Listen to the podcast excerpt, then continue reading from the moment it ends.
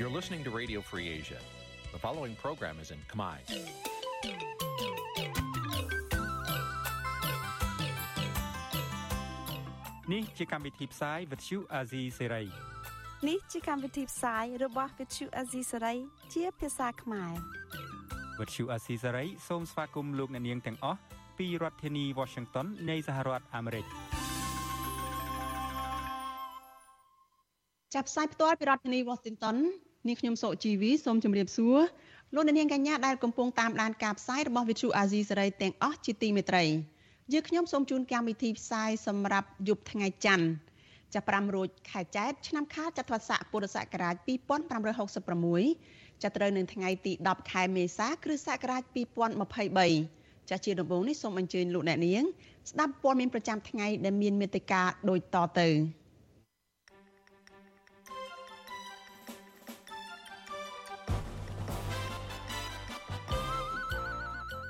មន្ត្រីសង្គមស៊ីវិលរិះគន់ការពន្យាអាយុចូលនិវត្តន៍របស់ចៅក្រម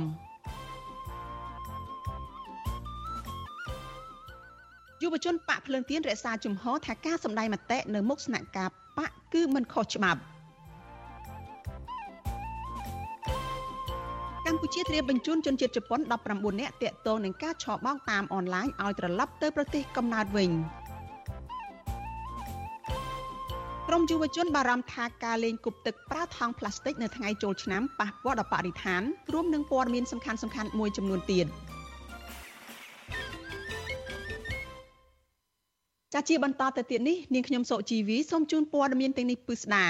ចលនានាងជាទីមេត្រីមន្ត្រីសិទ្ធិមនុស្សនិងអ្នកច្បាប់រិះគន់ការអនុញ្ញាតឲ្យចៅក្រមនិងព្រីអាញា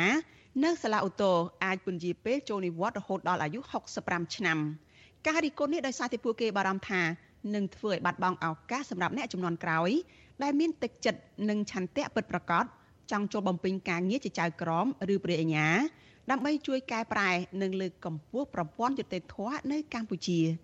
ចាលោកទីនសការីយ៉ាមានសេចក្តីរាយការណ៍អំពីរឿងនេះជូនលោកអ្នកនាងដូចតទៅសង្គមស៊ីវិលព្រួយបារម្ភថាចៅក្រមនិងព្រះអញ្ញានៅសាលាឧទ្ធរដែលបានបំពេញការងារយូរឆ្នាំមកហើយនោះ ហើយអាចពន្យាអាយុចូលនិវត្តន៍ច្រើនឆ្នាំទៅមុខទៀតនឹងធ្វើឲ្យសមត្ថភាពនិងវ័យកាន់តែចាស់ទ្រុឌទ្រោមរបស់ពួកគេមិនអាចទទួលខុសត្រូវលើការងាររបស់ខ្លួនបានល្អប្រសើរនោះឡើយ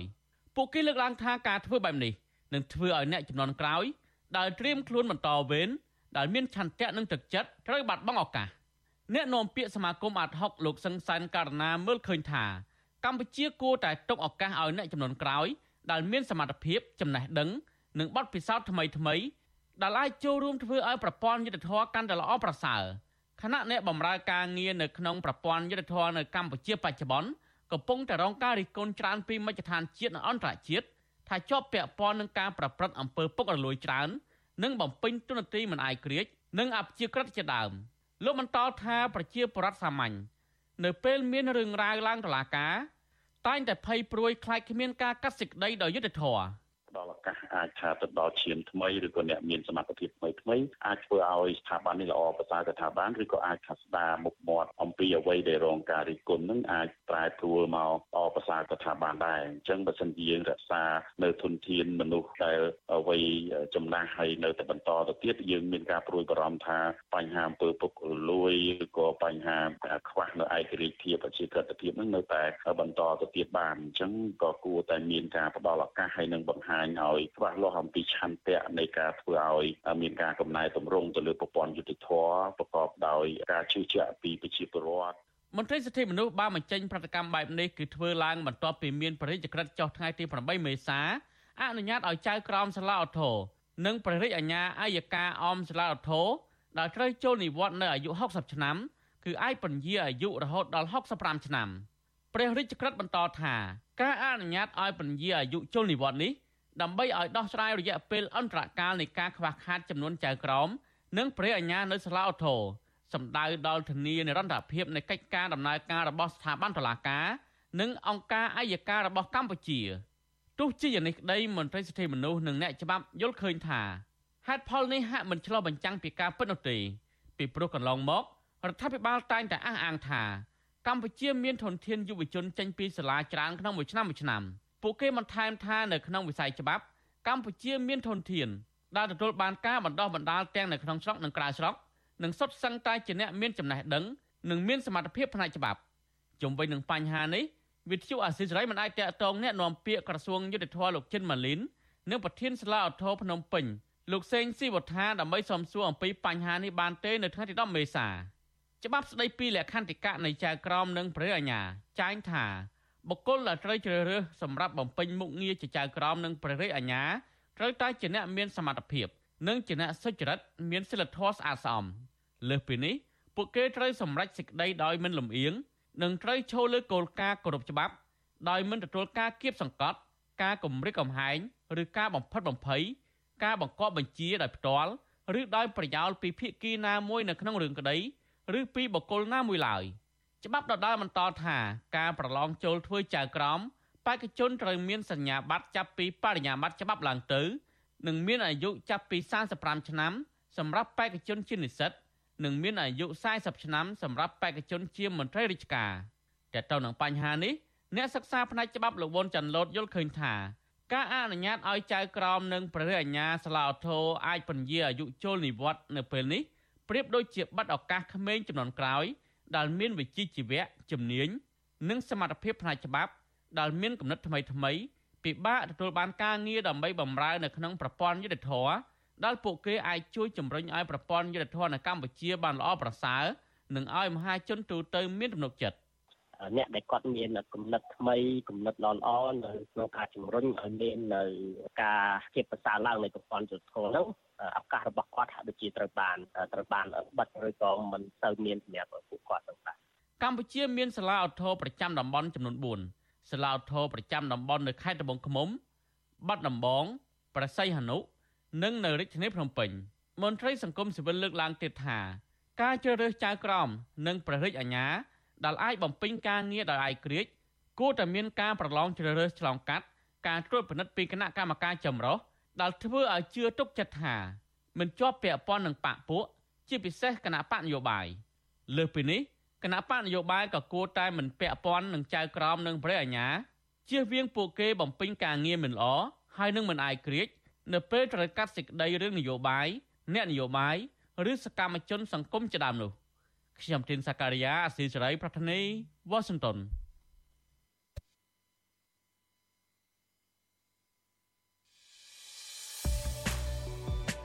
កម្មវិធី Vithu Azizi ស្រីសម្រាប់ទូរស័ព្ទដៃ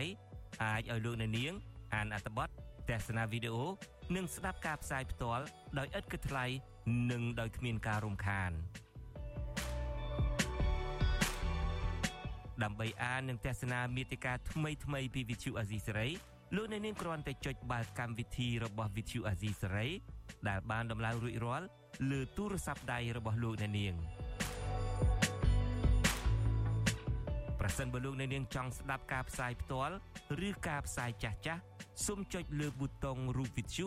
ដែលស្ថិតនៅផ្នែកខាងក្រោមនៃកម្មវិធីជាការស្រេច។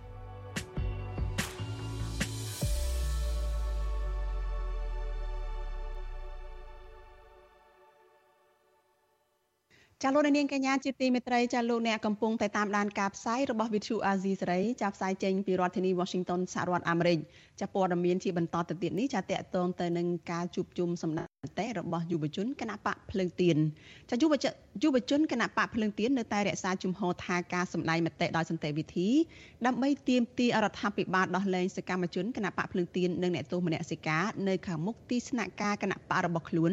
កាលពីថ្ងៃទី7ខែមេសាកន្លងទៅនេះគឺមិនខុសច្បាប់ឡើយពួកគេ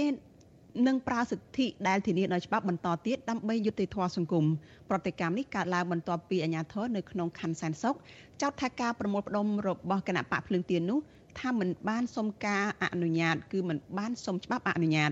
ចាមន្ត្រីសិទ្ធិមនុស្សមើលឃើញថាសិទ្ធិសេរីភាពនៃការជួបជុំដើម្បីសម្ដែងមតិរបស់ពលរដ្ឋជាពិសេសក្រុមអ្នកនយោបាយដែលមានដែលមាននិន្នាការផ្ទុយពីរដ្ឋាភិបាលតែរងការរឹតបន្តឹងខ្លាំង ចាលោកមានរិទ្ធមានសេចក្តីរាយការណ៍អំពីរឿងនេះជូនលោកអ្នកនាងតំណាងគណៈបកភ្លើងទៀន3នាក់នៅថ្ងៃទី10ខែមេសា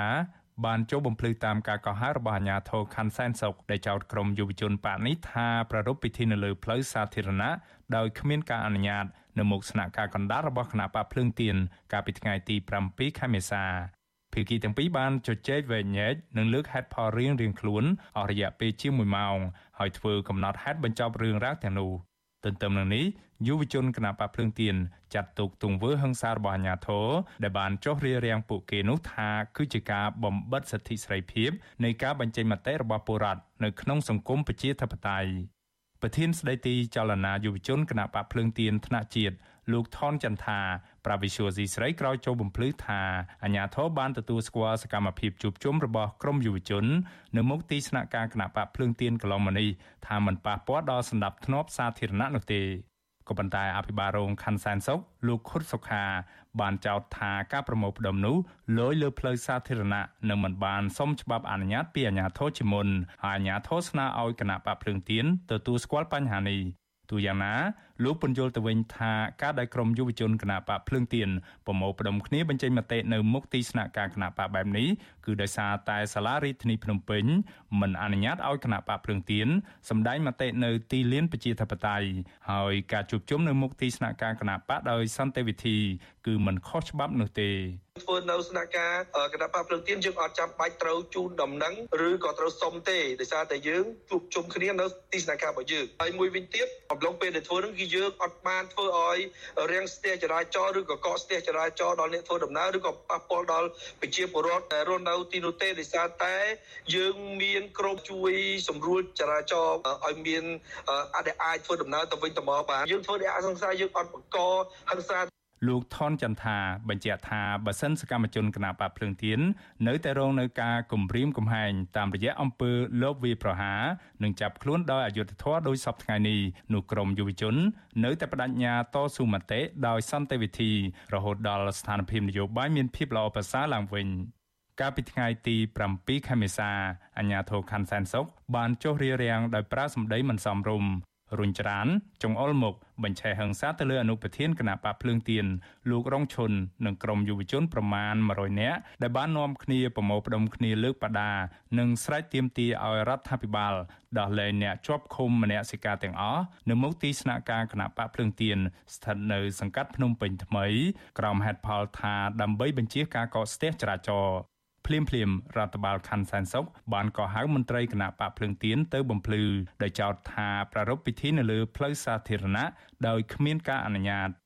សាលារដ្ឋាភិបាលភ្នំពេញ កាលពីថ្ងៃទី5ខែមេសា បានចេញលិខិតបដិសេធមិនអនុញ្ញាតឲ្យចលនាយុវជនរបស់គណៈបកភ្លើងទៀនថ្នាក់ជាតិប្រមូលផ្ដុំគ្នាសម្ដែងមតិដើម្បីទាមទារឲ្យតុលាការដោះលែងប្រធានចលនាយុវជនរបស់គណៈបកនេះគឺលោកខឿនវិរៈ និងសកម្មជននយោបាយមួយចំនួនទៀតនៅទីលានប្រជាធិបតេយ្យនោះទេសាលារដ្ឋាភិបាលភ្នំពេញបានលើកហេតុផលថាកម្មវត្ថុរបស់យុវជនទាំងនោះគឺផ្ទុយទៅនឹងក្រមព្រហ្មទណ្ឌគឺផ្ទុយទៅនឹងយុវជនទាំងនោះគឺផ្ទុយនឹងក្រមព្រហ្មទណ្ឌមាត្រា522និងមាត្រា523ហើយករណីនេះកំពុងស្ថិតនៅក្នុងដំណើរការនីតិវិធីរបស់តុលាការនៅឡើយ វិសុវស៊ីស្រីមិនអាចសុំការបកស្រាយពីអ្នកនាំពាក្យស្នងការដ្ឋាននគរបាលរាជធានីភ្នំពេញលោកសានសុកសេហានិងអភិបាលរាជធានីភ្នំពេញលោកខួងស្រេងបាននៅឡើយទេនៅថ្ងៃទី10ខែមេសា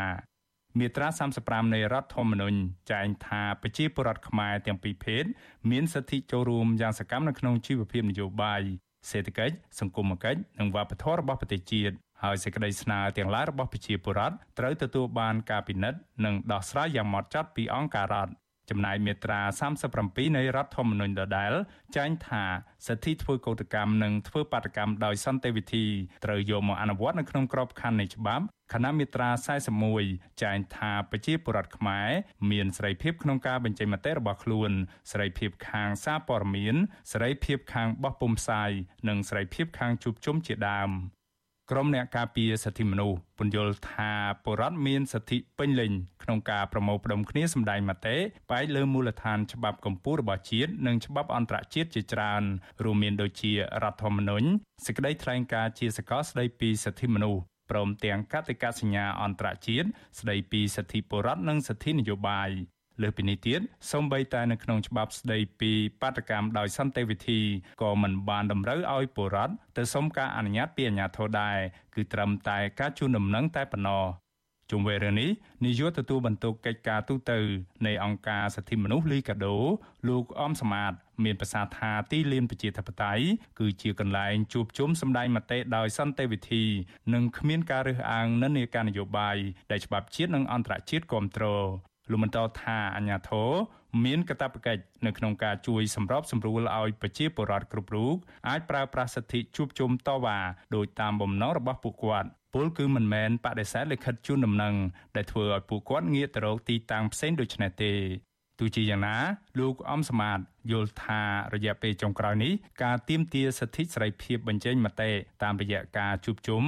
នៅមានកម្រិតនៅឡើយយើងចង់ឃើញថាភាគីណាក៏ដោយទាំងអាជ្ញាធរក៏ដោយបើសិនជាការជួបជុំនឹងដោយសន្តិវិធីគួរតែមានការជជែកគ្នាដើម្បីស្វែងរកដំណោះស្រាយណាមួយអាចទទួលយកបានទាំងអស់គ្នាហើយស្របតាមគោលការណ៍នៃលទ្ធិជាតិបតេយ្យនិងការគោរពសិទ្ធិមនុស្សហើយនិងច្បាប់របស់យើងជាពិសេសគឺរដ្ឋធម្មនុញ្ញផងដើម្បីឲ្យមានលំហនៃសេរីភាពនិងការ ជួបជុំការប្រមូលផ្ដុំដោយ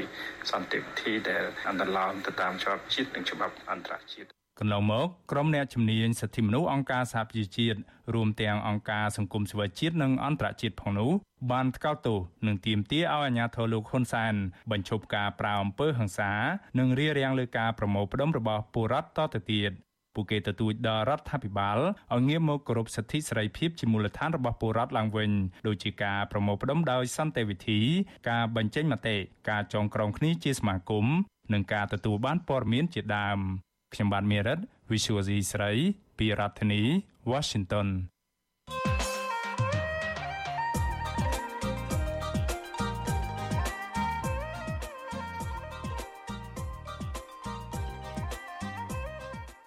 លោកនាងកញ្ញាជាទីមេត្រីចាក្នុងរយៈពេលប្រមាណឆ្នាំចុងក្រោយនេះអំពើហិង្សាលើសមាជិកគណៈបកប្រឆាំងបានកើតមានឡើងឥតស្រាកស្រាន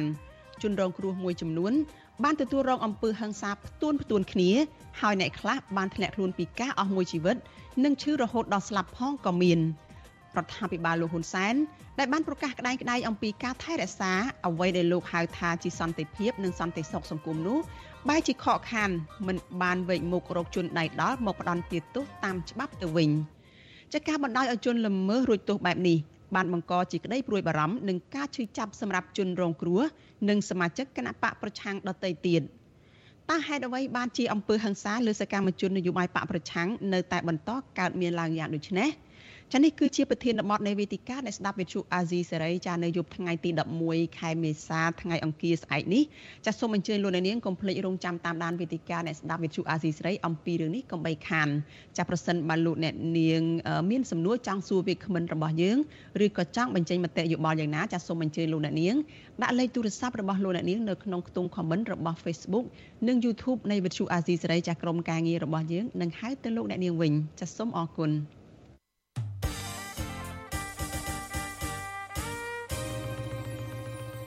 ថ្ងៃនេះខ្ញុំចង់ឲ្យអស់លោកនាងស្វែងយល់អំពីការបោះឆ្នោតខុសតើអ្វីទៅដែលហៅថាការបោះឆ្នោតខុសនោះ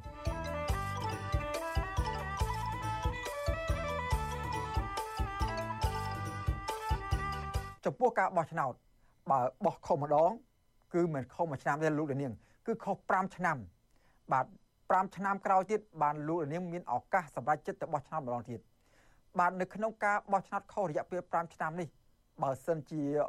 ពីផលប៉ះពាល់វិញគឺមានផលប៉ះពាល់ច្រើនតាក់ទងនឹងការបោះឆ្នោតខុសនេះគឺខុសថាស្លឹកឆ្នោតផ្ដាល់ទៅឲ្យគណៈបកនយោបាយឬបុគ្គលនយោបាយណាមួយ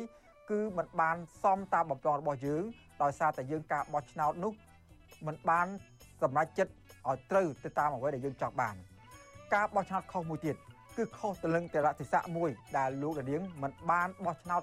តាមឆន្ទៈរបស់ខ្លួនគឺបោះឆ្នោតទៅតាមការកម្រិតកំហែងការគៀបសង្កត់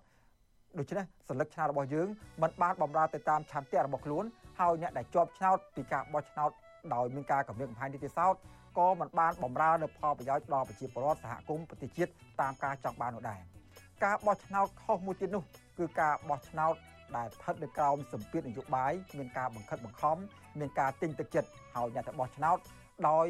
មិនបានពិចារណា ហើយក៏បោះទៅតាមអ្វីដែលគេបានរុញច្រានឲ្យលោកលានបោះឆ្នោតដែលគេរៀបចំទុកឲ្យជាសាច់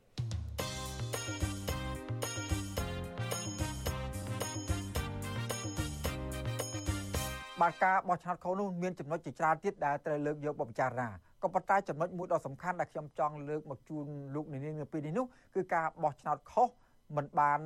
រឹសតំណាងដែលខ្លួនពេញចិត្ត ស្លឹកឆាអស់លោកនាងมันអាចរឹសបានមានដឹកនាំល្អដែលតំណាងធ្វើការងារឲ្យខ្លួន បំពេញមុខមាត់សម្រាប់ជាតិសម្រាប់ប្រជាពលរដ្ឋក្នុងឆាកអន្តរជាតិនិងកិច្ចការផ្សេងៗទៀតដូច្នេះស្លឹកឆ្នោតដែលលោកនាងបោះទៅមិនចំគោលដៅគឺពុំមាននៃខ្លឹមសារនិងបានផលវិញតាមការចង់បាននោះឡើយ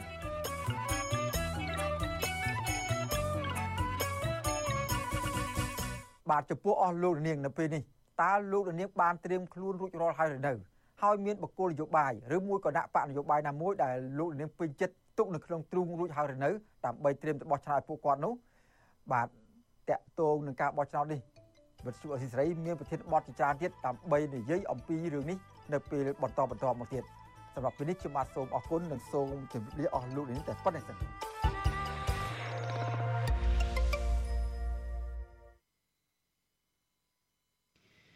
ចាលោកអ្នកនាងកញ្ញាជាទីមេត្រីចានៅក្នុងឱកាសនេះដែរចានាងខ្ញុំសូមថ្លែងអំណរគុណដល់លោកអ្នកនាងដែលតែងតែមានភក្ដីភាពចំពោះការផ្សាយរបស់យើងហើយចាត់ទុកការស្ដាប់វិទ្យុអាស៊ីសេរីនេះគឺជាផ្នែកមួយនៃសកម្មភាពប្រចាំថ្ងៃរបស់លោកអ្នកនាង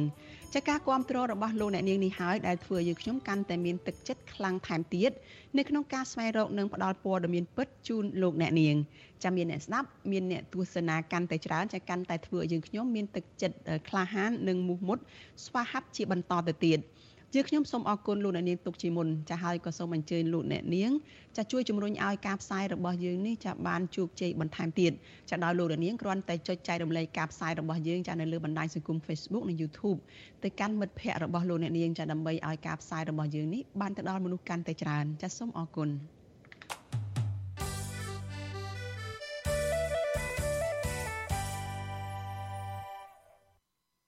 លោកអ្នកនាងកញ្ញាជាទីមេត្រីចាលោកអ្នកកំពុងតែតាមដានការផ្សាយរបស់វិទ្យុអាស៊ីសេរីចាព័ត៌មានដែលចូលមកជាបន្តទៅទៀតនេះចាតកតងទៅនឹងបទល្មើសតាមប្រព័ន្ធអនឡាញចាអ្នកនាំពាក្យអគ្គនាយកដ្ឋានអន្តរប្រវេសអះអាងថាកម្ពុជាកំពុងរៀបចំបញ្ជូនជនជាតិជប៉ុន19នាក់ដែលជាប់ពាក់ព័ន្ធនឹងអំពើឆបោកតាមអនឡាញឲ្យទៅប្រទេសកំណើតរបស់ពួកគេវិញ។ មន្ត្រីអង្គការសិទ្ធិមនុស្សយល់ឃើញថាដើម្បីទប់ស្កាត់បទល្មើសអនឡាញនិងការជួញដូរមនុស្សនៅកម្ពុជានេះឲ្យមានប្រសិទ្ធភាពលុះណាតែរដ្ឋាភិបាលចាប់ជនល្មើសដែលជាមេខ្លោងនិងអ្នករួមគំនិតមកផ្ដន់ទាទោសឲ្យបានធ្ងន់ធ្ងរទៅតាមផ្លូវច្បាប់ជាជាងរងចាំទទួលពាក្យបណ្ដឹងទើបមានវិធានការតាមក្រោយចាសសូមស្ដាប់សេចក្តីរាយការណ៍របស់លោកនៅវណ្ណរិនអំពីរឿងនេះដូចតទៅ។ ជនជាតិជប៉ុន19នាក់ដែលចាញ់បោកមេខ្លោងជនជាតិចិនមកធ្វើការចាប់ចម្រិតប្រាក់តាមអនឡាញនៅខេត្តព្រះសីហនុនិងត្រូវអាជ្ញាធរកម្ពុជា បញ្ជូនទៅស្រុកកំណើតវិញនៅក្នុងពេលឆាប់ៗនេះ អ្នកនាំពាក្យអគ្គនាយកដ្ឋានអន្តោប្រវេសន៍លោកកៅវ៉ាន់ថនប្រាប់វិទ្យុអាស៊ីសេរីនៅថ្ងៃទី10ខែមេសាថាភៀកគីកម្ពុជា កំពុងត្រៀមបញ្ជូនជនជាតិជប៉ុនទាំង19នាក់ដែលសមត្ថកិច្ចខេត្តប្រសេអនុឃាត់ខ្លួនកាលពីដើមឆ្នាំ2023ទៅប្រទេសជប៉ុនវិញនៅក្នុងពេលឆាប់ៗនេះ ទោះជាយ៉ាងណាលោកបញ្ជាក់ថាភៀកគីកម្ពុជាមិនទាន់បានកំណត់ថ្ងៃជាក់លាក់ដើម្បីបណ្ដេញជនជាតិជប៉ុនដែលប្រព្រឹត្តបទល្មើសឆបោកតាមអនឡាញទាំងនោះនៅឡើយទេ។ ធម្មតាជនបរទេសកាលណាប្រព្រឹត្តបទល្មើសច្បាប់គឺអាជ្ញាធរមានសមត្ថកិច្ចតែងតែចាប់ហើយបញ្ជូនត្រឡប់ទៅប្រទេសដើមវិញអញ្ចឹងក្នុងឱកាសនេះគ្រាន់តែអំពាវនាវថាសាធារណជនកាលណាឃើញកន្លែងណាមានជនបរទេសដែលប្រព្រឹត្តបទល្មើសសូមជួយរាយការណ៍ឲ្យសមត្ថកិច្ចផងដើម្បីយើងចោះទៅស៊ើបអង្កេតស្រាវជ្រាវហើយចាត់វិធានការទាន់ពេល វិទ្យុអាស៊ីសេរីបានតាក់ទងស្ថានទូតជប៉ុនប្រចាំកម្ពុជា តាមសារអេឡិចត្រូនិកដើម្បីសុំការបកស្រាយបន្ថែមជុំវិញរឿងនេះនៅថ្ងៃទី10ខែមេសាប៉ុន្តែមិនទាន់បានទទួលការឆ្លើយតបវិញនោះទេសមត្ថកិច្ចខេត្តប្រសេនុឃាត់ខ្លួនជនជាតិជប៉ុន19នាក់និងបញ្ជីឈ្មោះជនជាតិជប៉ុនមួយច្បាប់ដែលគេជឿជាក់ថាជាក្រុមគោលដៅដែលពួកគេឆបោកតាមអនឡាញ ការឃាត់ខ្លួននេះធ្វើឡើងបន្ទាប់ពីកងកម្លាំងសមត្ថកិច្ចបានទទួលពាក្យបណ្ដឹងតាមទូរស័ព្ទប្រយុទ្ធប្រឆាំងនឹងការឆបោកតាមអនឡាញថាមានការចាប់ជំរិតជនជាតិជប៉ុនដូចគ្នាជិត20នាក់នៅក្នុងសន្តាគារមួយកន្លែងនៅភូមិខាងត្បូងក្រុងព្រះសីហនុដោយសារតែការអនុវត្តច្បាប់ទុនខ្សោយប្រទេសកម្ពុជាគឺជាកន្លែងដ៏តាក់ទាញសម្រាប់មេឧក្រិដ្ឋជន ប្រព្រឹត្តបទល្មើសចាប់ជំរិតប្រាក់តាមអនឡាញនិងជួញដូរមនុស្ស មេខ្លោងអ ுக ្រិតជនដែលភៀសច្រើនជាជនជាតិចិនបានបោកប្រាស់និស្សិតបរទេសដែលទើបបញ្ចប់ការងារថ្មីថ្មីមកធ្វើការនៅក្នុងប្រទេសកម្ពុជាដោយសន្យាថានឹងផ្ដល់ប្រាក់ខែច្រើនប៉ុន្តែពួកគេត្រូវបានឃុំខ្លួន និងបង្ខំឲ្យធ្វើការបោកប្រាស់តាមអនឡាញដោយមិនទទួលបានប្រាក់ខែនោះឡើយក្នុងនោះជនរងគ្រោះខ្លះក៏ត្រូវរងអំពើហិង្សាផងដែរប្រសិនបើពួកគេមិនព្រមធ្វើការ ជុំវិញរឿងនេះនាយកទទួលបន្ទុកកិច្ចការទូតទៅនៃអង្គការលីកាដូលោកអំសំអាតគាំទ្រចំពោះកិច្ចសហប្រតិបត្តិការរវាងអាជ្ញាធរកម្ពុជា ជាមួយស្ថានទូតជប៉ុនក្នុងការបញ្ជូនជនជាតិជប៉ុនទាំង19នាក់ទៅប្រទេសកំណើតវិញ។លោកបន្ថែមថាមូលហេតុសំខាន់ដែលបណ្ដាលឲ្យមានបទល្មើសបោកប្រាស់តាមអនឡាញនិងអំពើជួញដូរមនុស្សនៅកម្ពុជាកាន់តែកើនឡើងគឺដោយសារតែអំពើពុករលួយជាប្រព័ន្ធ ដូច្នេះដើម្បីលុបបំបាត់បទល្មើសទាំងនេះប្រកបដោយប្រសិទ្ធភាពរដ្ឋាភិបាលត្រូវចាប់មេខ្លោងនិងអ្នកដែលពាក់ព័ន្ធឲ្យទទួលខុសត្រូវចំពោះមុខច្បាប់ជាជាងមានតែផែនការចំពោះជនរងគ្រោះដែលត្រូវគេបង្ខំឲ្យឆបោកតាមអនឡាញនោះយើងជាអង្គការសង្គមស៊ីវិលនៅតែទទូចឲ្យអាជ្ញាធរមានសមត្ថកិច្ចនឹងចាត់វិធានការឲ្យបានតឹងរឹងដើម្បីបង្ក្រាបទៅលើបទល្មើសនៃការឆបោកតាមប្រព័ន្ធអនឡាញឬក៏ការជួញដូរ មនុស្សហ្នឹងហើយនឹងមានកិច្ចសហការល្អរវាងអាជ្ញាធរដែលពាក់ព័ន្ធប្រជាពលរដ្ឋហើយនឹងបណ្ដាប្រទេសជិតខាងនិងនៅក្នុងតំបន់និងលើឆាកអន្តរជាតិដើម្បីបង្ក្រាបការទប់ស្កាត់ហើយអ្វីដែលជារឿងសំខាន់គឺត្រូវតែលុបបាត់នៅអំពើពុករលួយក្រៅពីជនជាតិជប៉ុនកន្លងមកជនជាតិនៅក្នុងតំបន់អាស៊ីដទៃទៀតរួមមានជនជាតិថៃវៀតណាមម៉ាឡេស៊ីចិន និងហ្វីលីពីនជាដើមក៏បានចាញ់បោកការបញ្ឆោតឲ្យមកធ្វើការនៅប្រទេសកម្ពុជាដែររបាយការណ៍ជួញដូរមនុស្សនៅកម្ពុជាចេញដោយក្រសួងការបរទេសសហរដ្ឋអាមេរិកកាលពីខែកក្កដាឆ្នាំ2022កន្លងទៅ បង្ហាញថាដោយសារអំពើពុករលួយជាប្រព័ន្ធរដ្ឋាភិបាលកម្ពុជាមិនបានអនុវត្តវិធានការទប់ស្កាត់បទល្មើសជួញដូរមនុស្សតាមស្តង់ដារជាអបបរមានោះឡើយ។ ដោយសារតែបាត់ល្មើសជួញដូរមនុស្សមានកាន់តែច្រើនឡើងពីមួយឆ្នាំទៅមួយឆ្នាំចាប់តាំងពីឆ្នាំ2019មកក្រសួងការបរទេសសហរដ្ឋអាមេរិកក៏បានដាក់ប្រទេសកម្ពុជាទៅក្នុងបញ្ជីខ្មៅនៃការជួញដូរមនុស្សរបស់ខ្លួនខ្ញុំបាទនៅវណ្ណរិន With Chu Azizi Saray ពីរដ្ឋធានី Washington ចាលោកនាងកញ្ញាជាទីមេត្រីចាសសេចក្តីរាយការណ៍ពីប្រទេសថៃឯណោះវិញឲ្យដឹងថាចាសស្ថានទូតខ្មែរប្រចាំនៅក្នុងប្រទេសថៃផ្ញើសាររំលែកទុកចំពោះគ្រួសារពលករខ្មែរ8នាក់ដែលបានស្លាប់ដោយសារតែគ្រោះថ្នាក់ចរាចរណ៍ដ៏រន្ធត់មួយរវាងរថយន្តដឹកអ្នកដំណើរបុកផ្ទុកជាមួយនឹងរថយន្តកុងតឺន័រកាលពីថ្ងៃទី8ខែមេសាស្ថានទូតខ្មែរប្រចាំនៅក្នុងប្រទេសថៃបានថ្លែងនៅក្នុងលិខិតមួយនៅថ្ងៃទី10ខែមេសាថា គ្រោះថ្នាក់ចរាចរណ៍នេះបានឆក់យកជីវិតពលករខ្មែរ8នាក់និងរបួស7នាក់ពួកគេត្រូវបានបញ្ជូនទៅសម្រាប់ព្យាបាលនៅមន្ទីរពេទ្យមួយនៅក្នុងប្រទេសថៃ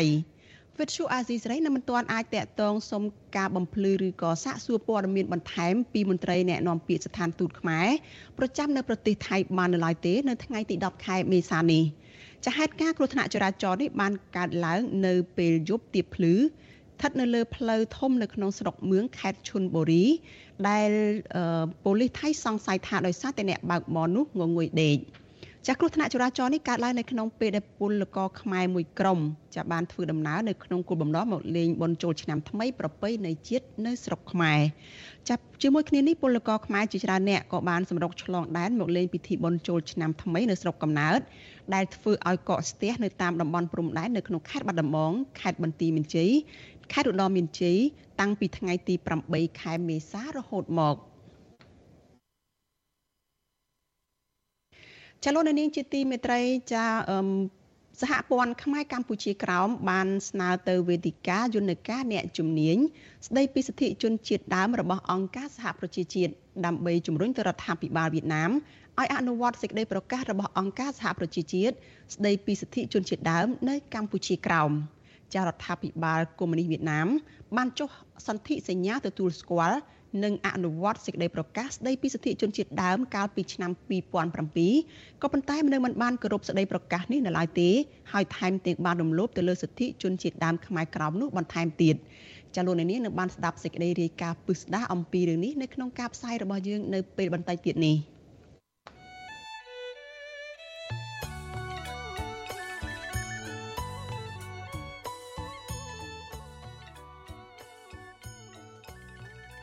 ចាលោកអ្នកនាងជាទីមេត្រីចាដំណើរគ្នានឹងស្ដាប់ការផ្សាយផ្ទាល់របស់ Vithu Azizi សេរីចានៅលើបណ្ដាញសង្គម Facebook និង YouTube នេះចាលោកអ្នកនាងក៏អាចស្ដាប់ការផ្សាយរបស់យើងតាមរយៈ Vithu រលកធាតុអាកាសខ្លីចាតាមកម្រិតនិងកម្ពស់ដូចតទៅនេះពេលព្រឹកចាប់ពីម៉ោង7កន្លះដល់ម៉ោង8កន្លះយប់ចាពេលព្រឹកចាប់ពីម៉ោង ចាសសូមអធិស្ឋានពេលព្រឹកចាប់ពីម៉ោង5កន្លះដល់ម៉ោង6កន្លះព្រឹកចាតាមរយៈ post SW 12.14 MHz ស្មើនឹងកម្ពស់ 25m ចានឹង post SW 13.71 MHz ស្មើនឹងកម្ពស់ 22m ពេលយប់ចាប់ពីម៉ោង7កន្លះដល់ម៉ោង8កន្លះតាមរយៈ post SW 9.33 MHz ស្មើនឹងកម្ពស់ 32m post SW 11.88 MHz ស្មើនឹងកម្ពស់ 25m និង post SW 12.14 MHz ស្មើនឹងកម្ពស់ 25m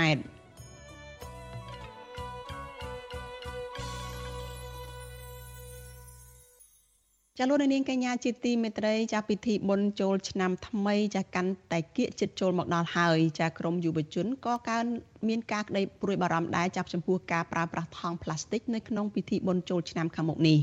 ចាក្រមយុវជននិងសកម្មជនបរិស្ថានបារម្ភថាការលេងល្បែងគប់ទឹកដោយថង់ប្លាស្ទិកនៅក្នុងអំឡុងពេលពិធីបុណ្យចូលឆ្នាំថ្មីនឹងបន្សល់ទុកសម្រាមដល់ច្រើនដែលធ្វើឲ្យប៉ះពាល់ទៅដល់បរិស្ថាន។ ចាមន្ត្រីសង្គមស៊ីវិលថាអាញាធរពាក់ព័ន្ធគួរតែមានវិធានការនិងការណែនាំពាក់ព័ន្ធនឹងរឿងនេះដើម្បីកាត់បន្ថយសម្រាម និងផលប៉ះពាល់នានាចាស់ស្របពេលពិធីបុណ្យចូលឆ្នាំថ្មីប្រពៃណីជាតិនៅក្នុងរដូវក្តៅហួតហែងនិងឈានចូលចិត្តមកដល់នៅថ្ងៃទី13ខែមេសាខាងមុខនេះទឹកត្រូវបានពលរដ្ឋខ្មែរប្រើប្រាស់សម្រាប់លេងកម្សាន្តមានដូចជាការជះទឹកច្រកថង់គប់និងប្រើកាំភ្លើងជ័របាញ់ទឹកជាដើម។ ក្រមយុវជននិងសកម្មជនបរិស្ថានព្រួយបារម្ភពីការលេងគប់ទឹករបស់ប្រជាពលរដ្ឋដោយប្រើថង់ប្លាស្ទិកនៅក្នុងអំឡុងពេលនោះយុវជននៅឯខេត្តបាត់ដំបងកញ្ញាសាឌីណាប្រាប់វិទ្យុអាស៊ីសេរីនៅថ្ងៃទី10ខែមេសាថាកញ្ញាមិនគាំទ្រឲ្យមានការលេងគប់ទឹកឡើយដោយកញ្ញាយល់ឃើញថាការលេងបែបនេះបានបង្កគ្រោះថ្នាក់ដល់អ្នកដទៃដោយមានអ្នកខ្លះដួលម៉ូតូខ្លះបែកក្បាលខៀវភ្នែករហូតមានអ្នកខ្លះ ធ្លាក់ខ្លួនពីការថែមទៀតលើសពីនេះកញ្ញាថាការលេងគប់ទឹកដោយច្រកទឹកនៅក្នុងថង់បានបន្សល់ទុកសម្រាមផ្លាស្ទិកជាច្រើន នៅក្រោយពេលបុណ្យចូលឆ្នាំរួចផលប៉ះពាល់មួយទៀតគឺធំបំផុតហ្នឹងគឺសម្រាមកាលណាតលេងហើយគឺឃើញហើយដូចការរីកចឹងនៅតាមដងផ្លូវមិនថាដងផ្លូវសាធារណៈមិនថាតាមភូមិតាមស្រុកទេគឺដូចការរីកហ្មងមិនការរីកធម្មជាតិទេណាគឺថង់ផ្លាស្ទិកហ្មងឡងសស្ប្រង ចំណែកសកម្មជនបរិស្ថានចលនាមេដាធម្មជាតិកញ្ញាមានលីសាឲ្យដឹងថាក្រោយបញ្ចប់ពិធីបុណ្យចូលឆ្នាំជារៀងរាល់ឆ្នាំកញ្ញាតែងសង្កេតឃើញមានកាកសំណល់ជាច្រើន ជាពិសេសសំណល់ផ្លាស្ទិកតូចៗដែលនៅសល់ពីការលេងគប់ទឹកនោះកញ្ញាបន្តថាការសម្អាតនៅក្រៅពិធីបុណ្យចូលឆ្នាំថ្មី មិនមែនជាជំរើសល្អឡើយដោយអាជ្ញាធរក្រសួងពាក់ព័ន្ធត្រូវតែបណ្ដុះគំនិតពលរដ្ឋឲ្យចូលរួមថែរក្សាបរិស្ថាន និងបញ្ឈប់មិនឲ្យលេងល្បែងគប់ទឹកនេះតទៅទៀតខ្ញុំគិតថាសកម្មភាពគប់ទឹកវាមិនមែនជាល្បែងប្រពៃណីខ្មែរបើយើងកាត់បន្ថយឬក៏យើងឈប់លេងហ្មងក៏បានដែរព្រោះកន្លងមកអឺការលេងនេះវាអត់ឃើញអីជាប្រយោជន៍វាគ្រាន់តែសប្បាយដើម្បីពេលកំឡុងពេលចូលឆ្នាំអញ្ចឹងណា ចាការលេងជះនិងបាច់ទឹកគឺជាទម្លាប់មួយដែលคล้ายមកពីពិធីស្រង់ព្រះឬងូតទឹកជំរះកាយឲ្យអ្នកមានគុណចាស់ព្រឹទ្ធាចារ្យនៅថ្ងៃចូលឆ្នាំចុងក្រោយចាកាលពីដើមឡើយប្រជាពលរដ្ឋខ្មែរនាំគ្នាដាក់ធុងទឹករួយផ្កានិងបាញ់ទឹកអប់នៅក្នុងនោះហើយជះទៅលើអ្នកធ្វើដំណើរតាមដងផ្លូវដោយពួកគេយល់ឃើញថាទឹកគឺជាធាតុដែលនាំមកនូវភាពត្រជាក់ត្រជុំនិងស័ក្តិសមលេងនៅក្នុងខែចែកដែលជារដូវក្តៅ តែមកដល់ពេលបច្ចុប្បន្ននេះយុវជនមួយចំនួនចាប់ផ្ដើមប្រែក្លាយលេងកាន់តែអាក្រក់ជាងមុនដោយមានកំភ្លើងបាញ់ទឹកតូចធំនិងការច្រកទឹកចូលទៅក្នុងថង់តូចតូចប៉ុនប៉ុនកដៃមនុស្សចាស់គប់ទៅលើអ្នកដទៃដោយជួនកាលថែមទាំងមានដុំទឹកកកឬក៏ដាក់ដុំថ្មនៅក្នុងនោះថែមទៀតផងការគប់ទឹកនេះធ្វើឲ្យមានគ្រោះថ្នាក់ចរាចរណ៍បង្ករបួសស្នាម ការឆ្លៀតឱកាសកេងប្រវ័ញ្ចផ្លូវភេទនិងការបន្សល់ទុកសម្រាមផងដែរ។ វិទ្យុអាស៊ីសេរីមិនអាចតាក់ទងแนะនាំពាក្យក្រសួងវប្បធម៌និងវិចិត្រសិល្បៈលោកឡុងប៉ុណ្ណាសេរីវត្តនិងអ្នកនាំពាក្យអគ្គស្នងការនគរបាលជាតិលោកឆៃកឹមខឿនដើម្បីសូមការបកស្រាយពីក្តីបារម្ភនេះបានទេនៅថ្ងៃទី10ខែមេសានេះ ចាប់ពាក់ព័ន្ធនឹងការរៀបចំស្ដាប់ធ្នាប់នៅក្នុងពិធីបុណ្យចូលឆ្នាំថ្មីខាងមុខនេះស្នងការនគរបាលខេត្តបន្ទាយមានជ័យបានអំពាវនាវឲ្យប្រជាពលរដ្ឋជាពិសេសយុវជនឲ្យគ្រប់ច្បាប់ចរាចរណ៍មិនត្រូវបើកបរនៅក្នុងស្ថានភាពស្រវឹង ទប់ស្កាត់គ្រោះអគ្គិភ័យដោយប្រុងប្រយ័ត្នចំពោះភ្លើងទៀនធូបភ្លើងចង្ក្រានចរន្តអគ្គិសនី ដើម្បីជៀសផុតដាច់ខាតចរន្តអគ្គិសនីហើយនឹងត្រូវជៀសផុតឲ្យបានដាច់ខាត ពីការលេងបាញ់ទឹកជះទឹកគប់ស្បោងទឹកលាបធ្យូងប៉ាតម្សៅឬជិះម៉ូតូបង្ហោះប្រដេញគ្នាលេងនៅតាមដងផ្លូវ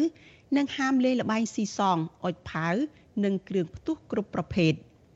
តកតងរឿងនេះប្រធានសមាគមនិស្សិតបញ្ញវន្តខ្មែរលោកកើតសរាយយល់ឃើញថា ការលេងទឹកនៅក្នុងពិធីបុណ្យចូលឆ្នាំថ្មីនេះមិនអាចលុបបំបាត់ដោយងាយនោះឡើយព្រោះវាបានคล้ายទៅជាទម្លាប់របស់ប្រជាជនខ្មែរទៅហើយតែយ៉ាងណាលោកថាអញ្ញាធរត្រូវចាត់វិធាននៃការតឹងរឹងទៅលើសកម្មភាពទាំងឡាយណាដែលបង្កគ្រោះថ្នាក់ដល់ប្រជាពលរដ្ឋដូចជាការលេងគប់ទឹកនេះជាដើមនិងបង្កើនការលេងល្បែងប្រជាប្រិយឲ្យកាន់តែច្រើនបន្ថែមទៀត ដើម្បីកាត់បន្ថយគ្រោះថ្នាក់និងសោកនាដកម្មនៅក្នុងឱកាសដែលសប្បាយរីករាយពិសេសសម័យសួរខាងជំនាញក៏ត្រូវធ្វើសេចក្តីណែនាំជាមុនហើយសេចក្តីណែនាំនោះកុំកុំស្ថិតនៅក្នុងការអំពាវនាវតែម្យ៉ាងសូមឲ្យមានជាវិធានការច្បាប់ហើយផ្សព្វផ្សាយឲ្យទូលាយមុនចូលឆ្នាំចាស់ជារៀងរាល់ឆ្នាំនៅមុនឱកាសពិធីបុណ្យចូលឆ្នាំថ្មីអាជ្ញាធរនិងរដ្ឋបាលនៅក្នុងខេត្តសៀមរាបក្រុងនានា និងក្រុងនានាចាតែងតែអំពាវនាវឲ្យប្រជាពលរដ្ឋចាកុំលេងបាញ់ទឹកជះទឹកដាក់គ្នាគប់ស្បោងទឹកលាបធ្យូងប៉ាតម្សៅទះគក់ដោយដៃឬវាយដោយរំពាត់ទៅលើអ្នកដំណើរឬអ្នកជិះម៉ូតូហើយបង្ហោះម៉ូតូប្រដេញគ្នានៅតាមដងផ្លូវព្រមទាំងហាមដាច់ខាតការលេងល្បែងស៊ីសងអុចផាវនិងគ្រឿងផ្ទុះគ្រប់ប្រភេទតែយ៉ាងណាការអំពាវនាវនេះ នៅតែមិនអាចលុបបាននៅការប្រព្រឹត្តនឹងការលេងល្បែងទាំងអស់នោះជាពិសេសការលេងជះទឹកគប់ស្បោងទឹកនិងប៉ាតម្សៅ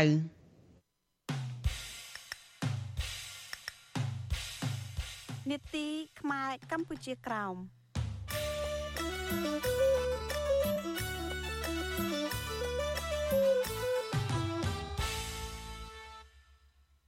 ចាលោកនាងកញ្ញាជាទីមេត្រីចាសហព័ន្ធខ្មែរកម្ពុជាក្រោមបានស្នើទៅវេទិកាយន្តការអ្នកជំនាញស្ដីពីសិទ្ធិជនជាតិដើម របស់អង្គការសហប្រជាជាតិដើម្បីជំរុញទៅរដ្ឋាភិបាលវៀតណាមឲ្យអនុវត្តសេចក្តីប្រកាសរបស់អង្គការសហប្រជាជាតិស្ដីពីសិទ្ធិជនជាតិដើមនៅកម្ពុជាក្រោមចារដ្ឋាភិបាលកុម្មុយនីសវៀតណាមបានចុះសន្ធិសញ្ញាទទួលស្គាល់និងអនុវត្តសេចក្តីប្រកាស ស្ដីពីសិទ្ធិជនជាតិដើមកាលពីឆ្នាំ2007ប៉ុន្តែមិនបានគោរពតាមសេចក្តីប្រកាសនេះទេហើយថែមទាំងបានរំលោភសិទ្ធិជនជាតិដើមខ្មែរក្រោមនោះថែមទៀតផងចាពីរដ្ឋធានី Washington លោកយុនសាមៀនមានសេចក្តីមានសេចក្តីរាយការណ៍លម្អិតអំពីរឿងនេះដូចតទៅសហព័ន្ធខ្មែរកម្ពុជាសហព័ន្ធខ្មែរកម្ពុជាក្រោមនឹងប្រើប្រាស់យន្តការសហព័ន្ធខ្មែរកម្ពុជាក្រោមនឹងប្រើប្រាស់យន្តការអ្នកជំនាញស្ដីពីសិទ្ធិជនជាតិដើម ដើម្បីដាក់គំនាបទៅរដ្ឋាភិបាលវៀតណាមឲ្យគោរពសិទ្ធិជនជាតិដើមខ្មែរក្រោមយន្តការអ្នកជំនាញស្ដីពីសិទ្ធិជនជាតិដើមនឹងបើកកិច្ចប្រជុំលើកទី16នៅខែកក្កដាខាងមុខនៅទីក្រុងហ្សឺណែវប្រទេសស្វីសអនុប្រធានសហព័ន្ធខ្មែរកម្ពុជាក្រោមលោកម៉ៅមនីប្រាប់វិទ្យុអាស៊ីសេរីថាសហព័ន្ធខ្មែរកម្ពុជាក្រោមបានដាក់របាយការណ៍ទៅយន្តការជំនាញរបស់អង្គការសហប្រជាជាតិដើម្បីឲ្យពួកគេដឹងថាពលរដ្ឋខ្មែរក្រោម កំពុងតែធ្វើការតស៊ូមតិទាមទារឲ្យវៀតណាមទទួលស្គាល់អត្តសញ្ញាណនិងការពារសិទ្ធិរបស់ខ្មែរក្រោមរឿងទី1ឲ្យរដ្ឋាភិបាលវៀតណាមនឹងទៅទទួលស្គាល់ខ្មែរក្រមយើងជាជនជាតិដើមណាពីព្រោះរដ្ឋាភិបាលយួនបានសញ្ញេឡើងទទួលស្គាល់សេចក្តីប្រកាសរបស់ជនជាតិដើមបងកាសជាតិ2007ដល់ឡៅនៅរដ្ឋាភិបាលយួននៅតែមិនទទួលស្គាល់ខ្មែរក្រមយើងជាជនជាតិដើមរឿងទីហ្នឹង រឿងទី2ទៀតយើងស្នើឲ្យរដ្ឋាភិបាលវៀតណាមហ្នឹងត្រូវមានកន្លែងបង្កើតអង្គការមួយឬមួយស្ថាប័នមួយខាងសិទ្ធិមនុស្សហ្នឹងតាមដានមើលរដ្ឋាភិបាលយួនបានធ្វើខ្លះជួយរឿងជនជាតិដើមហ្នឹងរឿងទី3ទៀតយើងស្នើថា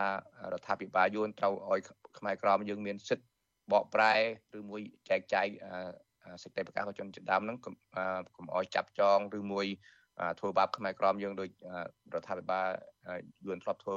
មកហ្នឹងយន្តការអ្នកជំនាញជាស្ថាប័នផ្ដល់ប្រឹក្សានិងជំនាញលើសិទ្ធិជនជាតិដើមយន្តការនេះជួយប្រទេសជាសមាជិកអង្គការសហប្រជាជាតិឲ្យសម្រេចការលើកស្ទួយសិទ្ធិជនជាតិដើម ដែលមានចែងនៅក្នុងសេចក្តីប្រកាសរបស់អង្គការសហប្រជាជាតិយន្តការអ្នកជំនាញមានសមាជិកឯករាជ្យ7រូបតែងតាំងដោយក្រុមប្រឹក្សាសិទ្ធិមនុស្សរបស់អង្គការសហប្រជាជាតិដែលមានជំនាញខាងសិទ្ធិជនជាតិដើម របាយការណ៍របស់សហព័ន្ធខ្មែរកម្ពុជាក្រោមទៅយន្តការអ្នកជំនាញស្ដីពីសិទ្ធិជនជាតិដើមសរសេរថាបច្ចុប្បន្នរដ្ឋាភិបាលវៀតណាមបានបដិសេធផ្ដល់សិទ្ធិជនជាតិដើមដល់ខ្មែរក្រោមនិងកំពុងប្រើប្រាស់នយោបាយបំបត្តិវប្បធម៌និងរំលោភបំពានយកដីធ្លីស្រែចម្ការរបស់ពលរដ្ឋខ្មែរក្រោមវៀតណាមប្រើប្រាស់ការគៀបសង្កត់ខ្មែរក្រោមណា ដែលហ៊ានងើបឡើងតស៊ូមតិតាមរយៈការសម្លុតបំភ័យ ប្រើប្រាស់ហិង្សា និងសង្កត់សង្កិនយ៉ាងហោចណាស់ក៏មានយុវជនខ្មែរក្រោមប្រមាណ10នាក់ត្រូវបានអាជ្ញាធរវៀតណាមកោះហៅទៅសម្លុតនិងប្រើប្រាស់ហិង្សាបង្ខំឲ្យពួកគេឈប់ចូលរួមសកម្មភាពទាមទារសិទ្ធិសេរីភាព និងបង្ហាញអត្តសញ្ញាណជាខ្មែរក្រោមការកោះហៅនេះដោយសារតែយុវជនខ្មែរក្រោមបាននាំគ្នាពាក់អាវ ដែលមានផែនទីនិងទង់ជាតិខ្មែរកម្ពុជាក្រោមដើម្បីអបអរសាទរទិវាសិទ្ធិមនុស្ស8មីនាវៀតណាមក៏រដ្ឋបិទសិទ្ធិសេរីភាពការប្រតិបត្តិព្រះពុទ្ធសាសនារបស់ខ្មែរកម្ពុជាក្រោមដែរវៀតណាមបានហាមឃាត់ព្រះសង្ឃមិនឲ្យទទួលស្គាល់ព្រះសង្ឃយើងខាយដែលជាព្រះសង្ឃសកម្មក្នុងវិស័យសិទ្ធិមនុស្សនិងជនជាតិដើមសកម្មជនសិទ្ធិមនុស្សខ្មែរក្រោមលោកតៅហ្វាងជើងស្វាគមន៍ចំពោះសំណើរបស់សហព័ន្ធទៅអង្គការសហប្រជាជាតិ ដើម្បីឲ្យវៀតណាមគោរពសិទ្ធិជនជាតិដើមលោកថាបច្ចុប្បន្នក្នុងនាមជាយុវជនខ្មែរក្រោមលោកត្រូវបានវៀតណាមធ្វើទុកបុកម្នេញដោយគ្មានពេលស្រាកស្រានឡើយសពថ្ងៃហ្នឹងប្រជាពលរដ្ឋខ្មែរក្រមហ្នឹងដូចជាយុវជនដូចជាប្អូនយើងដែរឃើញប្រទេសវៀតណាមរាល់ថ្ងៃហ្នឹងគឺថាมันគ្រប់សិទ្ធិមនុស្ស មិនគ្រប់សិទ្ធិជនជាតិដើមមិនគ្រប់សិទ្ធិមនុស្សមានធ្វើការគៀបសង្កត់រារាំងបិទបាំងនិងធ្វើប្រើអំពើហិង្សាមកលើប្រជាជនខ្មែរក្រមយើងគឺថារដ្ឋាភិបាលវៀតណាមនឹងសពថ្ងៃនឹងគ្មានគ្រប់សិទ្ធិមនុស្សទេគ្មានគ្រប់សិទ្ធិមនុស្សទាំងអស់ពាក់ព័ន្ធទៅនឹងរឿងនេះដែរលោកម៉ៅមនីមានប្រសាសន៍ថាវៀតណាមនឹងខ្មាស់គេនៅក្នុងកិច្ចប្រជុំក្រុមប្រឹក្សាសិទ្ធិមនុស្សនៅពេលដែលយន្តការអ្នកជំនាញស្ដីពីសិទ្ធិជនជាតិដើម លើកឡើងពីការបន្តការធ្វើទុកបុកម្នេញរបស់វៀតណាមលើខ្មែរក្រោមបច្ចុប្បន្នវៀតណាមជាសមាជិកក្រុមប្រឹក្សាសិទ្ធិមនុស្សរបស់អង្គការសហប្រជាជាតិសម្រាប់អាណត្តិ3ឆ្នាំវៀតណាមធ្លាប់បដិសេធរបាយការណ៍សិទ្ធិមនុស្សរបស់សហរដ្ឋអាមេរិកនិងអង្គការសិទ្ធិមនុស្សអន្តរជាតិហើយធ្លាប់សន្យាថានឹងលើកស្ទួយវិស័យសិទ្ធិមនុស្សប្រសិនបើវៀតណាមក្លាយជាសមាជិកក្រុមប្រឹក្សាសិទ្ធិមនុស្សរបស់អង្គការសហប្រជាជាតិ ទោះបីជាយ៉ាងណាក៏ដោយថ្មីថ្មីនេះអ្នកជំនាញស្ដីពីសិទ្ធិជនជាតិដើមរបស់អង្គការសហប្រជាជាតិបានដាក់សំណួរទៅវៀតណាមករណីអាញាធរវៀតណាម បន្តធ្វើបាបខ្មែរក្រោមដោយគ្រាន់តែពួកគេចែកចាយសេចក្តីប្រកាសស្ដីពីជនជាតិដើមរបស់អង្គការសហប្រជាជាតិវៀតណាមនៅមិនទាន់ឆ្លើយសំណួររបស់អ្នកជំនាញអង្គការសហប្រជាជាតិនៅឡើយទេខ្ញុំយុនសាមៀនវិទ្យុអាស៊ីសេរីប្រធានាធិបតី Washington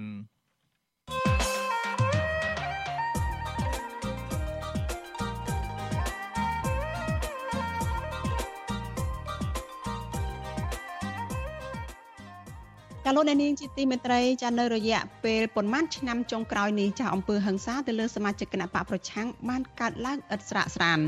ចាជនរងគ្រោះមួយចំនួនបានទទួលរងអំពើហិង្សាផ្ទួនផ្ទួនគ្នាហើយអ្នកខ្លះទៀតធ្លាក់ខ្លួនពីការអស់មួយជីវិត និងឈឺរហូតដល់ស្លាប់ផងក៏មានរដ្ឋាភិបាលលោកហ៊ុនសែនបានប្រកាសក្តែងក្តែងអំពីការថែរក្សាអ្វីដែលលោកហៅថាជាសន្តិភាព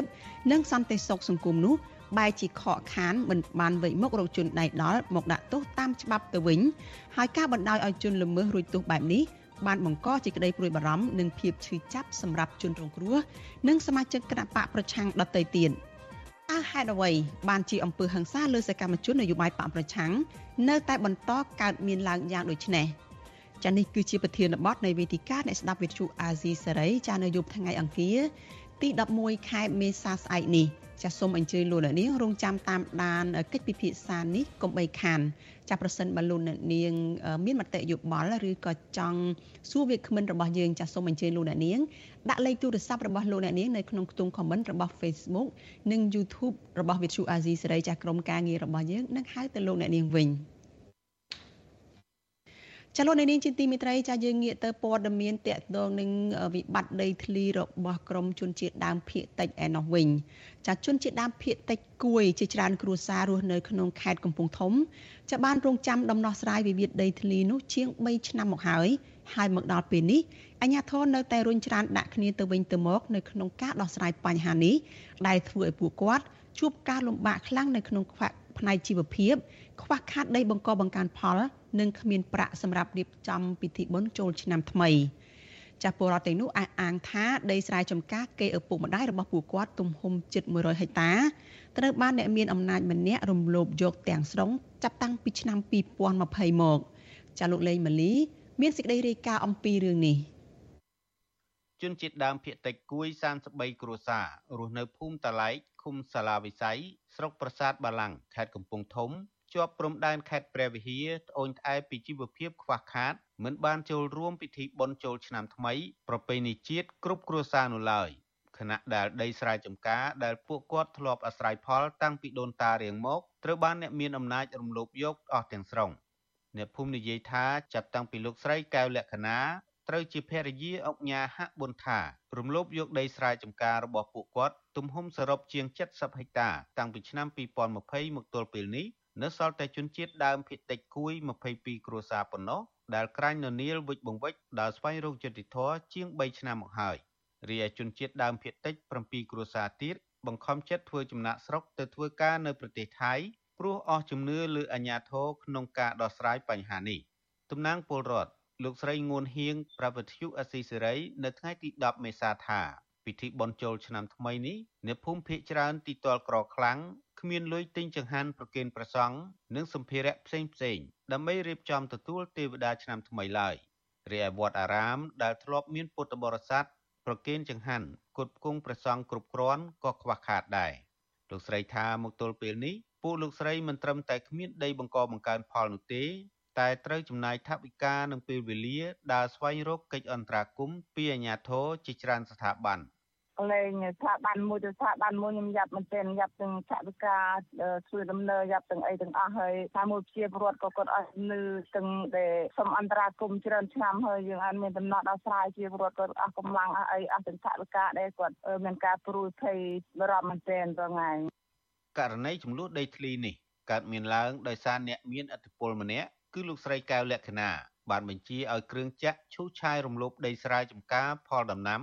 ដីចំការវិលជុំនិងដីព្រៃរបស់សល់ចុងក្រោយ ទំហំជាង70ហិកតា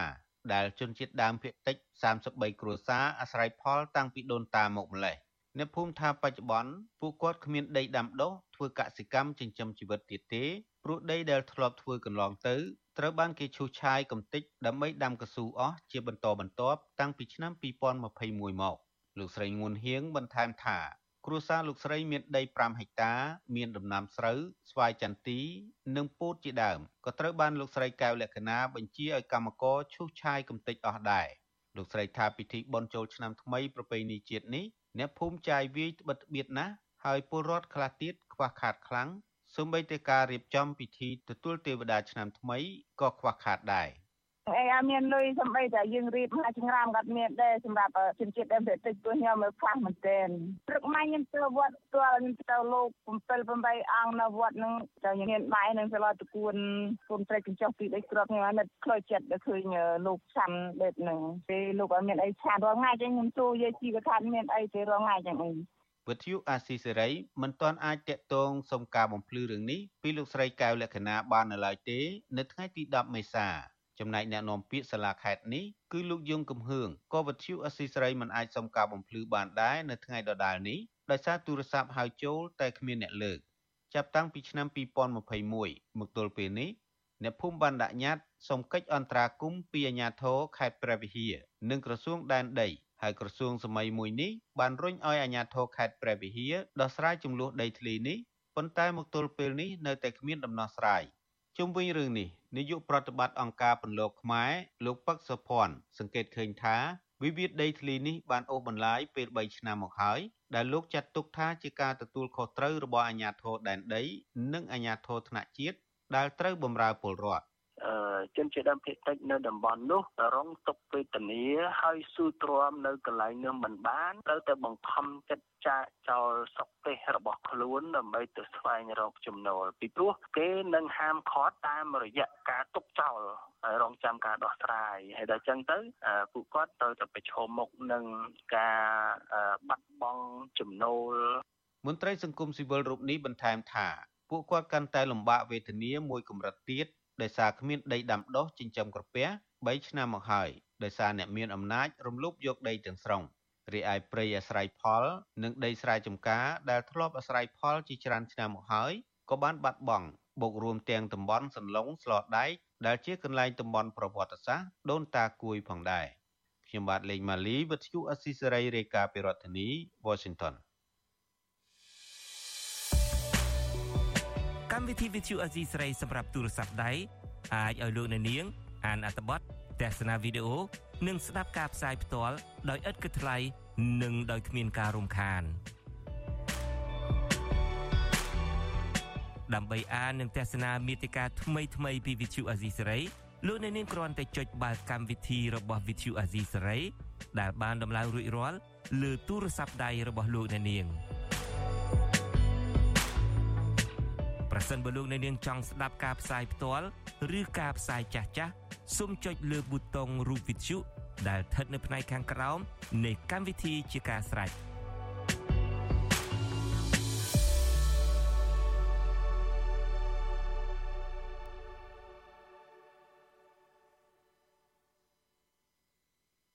្ដាប់ការផ្សាយផ្ទាល់របស់វិទ្យុអាស៊ីសេរីតាមរយៈតាមរយៈប្រព័ន្ធបណ្ដាញសង្គមចាគឺ Facebook YouTube និង Telegram នេះចាលោកនាងក៏អាចស្ដាប់ការផ្សាយរបស់យើងចានៅលើវិទ្យុរលកធាតុអាកាសខ្លីចាតាមកម្រិតនិងកម្ពស់ដូចតទៅនេះចាពេលព្រឹកចាប់ពីម៉ោង5កន្លះដល់ម៉ោង6កន្លះតាមរយៈ post SW 12.14 MHz ស្មើនឹងកម្ពស់ 25m និង post SW 13.71 MHz ស្មើនឹងកម្ពស់ 22m ពេលយប់ចាប់ពីម៉ោង7កន្លះដល់ម៉ោង8កន្លះតាមរយៈ post SW 9.38 MHz ស្មើនឹងកម្ពស់ 32m post SW 11.88 MHz ស្មើនឹងកម្ពស់ 25m និង post SW 12.14 MHz ស្មើនឹងកម្ពស់ 25m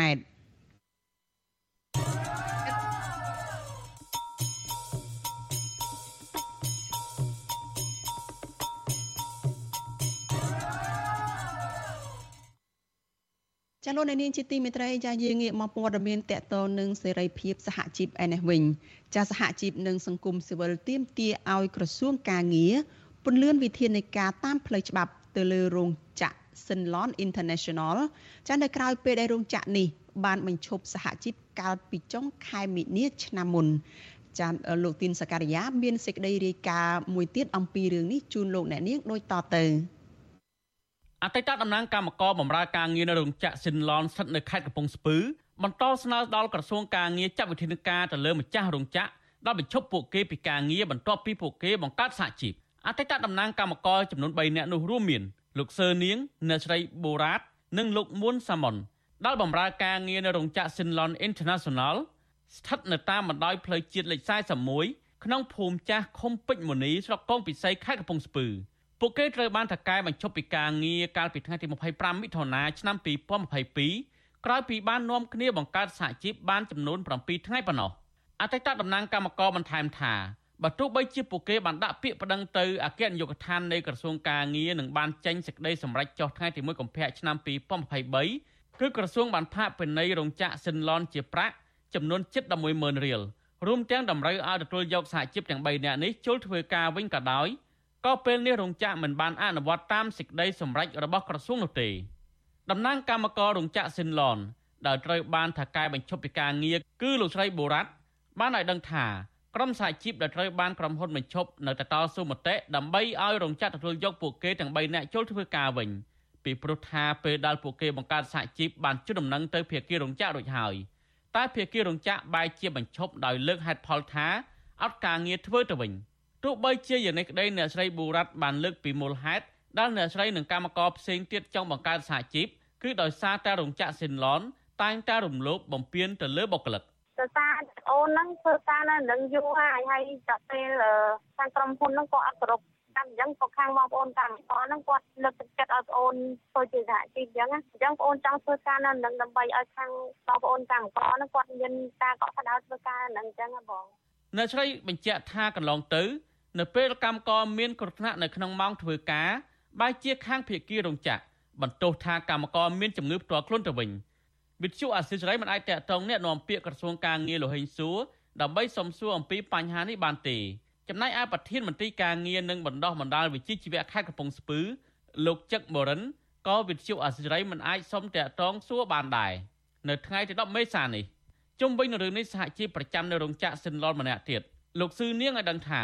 អស់រយៈពេល10ខែមកហើយដល់រោងចក្របញ្ឈប់ពួកគេពីការងារហើយបច្ចុប្បន្ននេះលោកគ្មានប្រាក់ដោះស្រាយជីវភាពគ្រួសារនោះទេហើយដូច្នេះលោកស្នើឲ្យក្រសួងការងារស្វែងរកដំណោះស្រាយជូនកម្មករទីមួយខ្ញុំក៏សូមស្នើដល់ក្រសួងដែរឲ្យគាត់ជួយជំរុញរោងចក្រនឹងឲ្យយកពួកខ្ញុំធ្វើការវិញទៅព្រោះអីគាត់ក៏ចុះមកគាត់ក៏ដឹងថារោងចក្រនឹងរំលោភបំពានច្បាប់ដែរតែគាត់ដូចធ្វើមិនដឹងមិនលឺអញ្ចឹងខ្ញុំពួកខ្ញុំក៏លំបាកណាស់បើ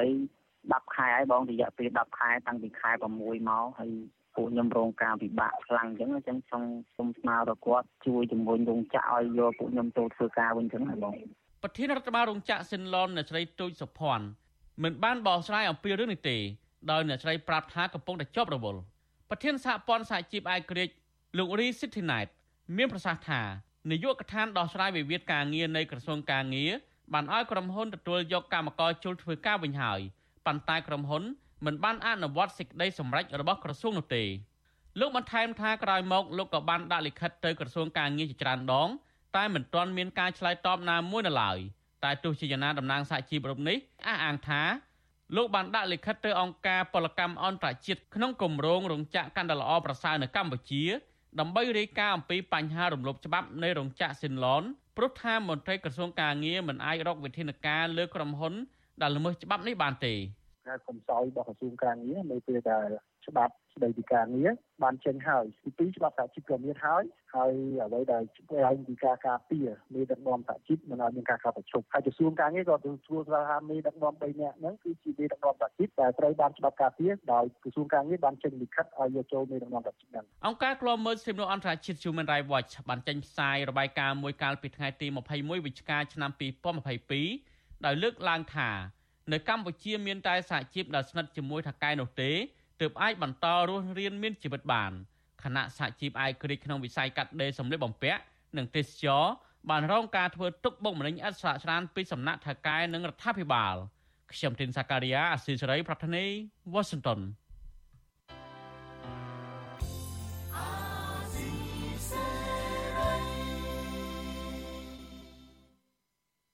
ចាលោកនាងកញ្ញាជាទីមេត្រីចា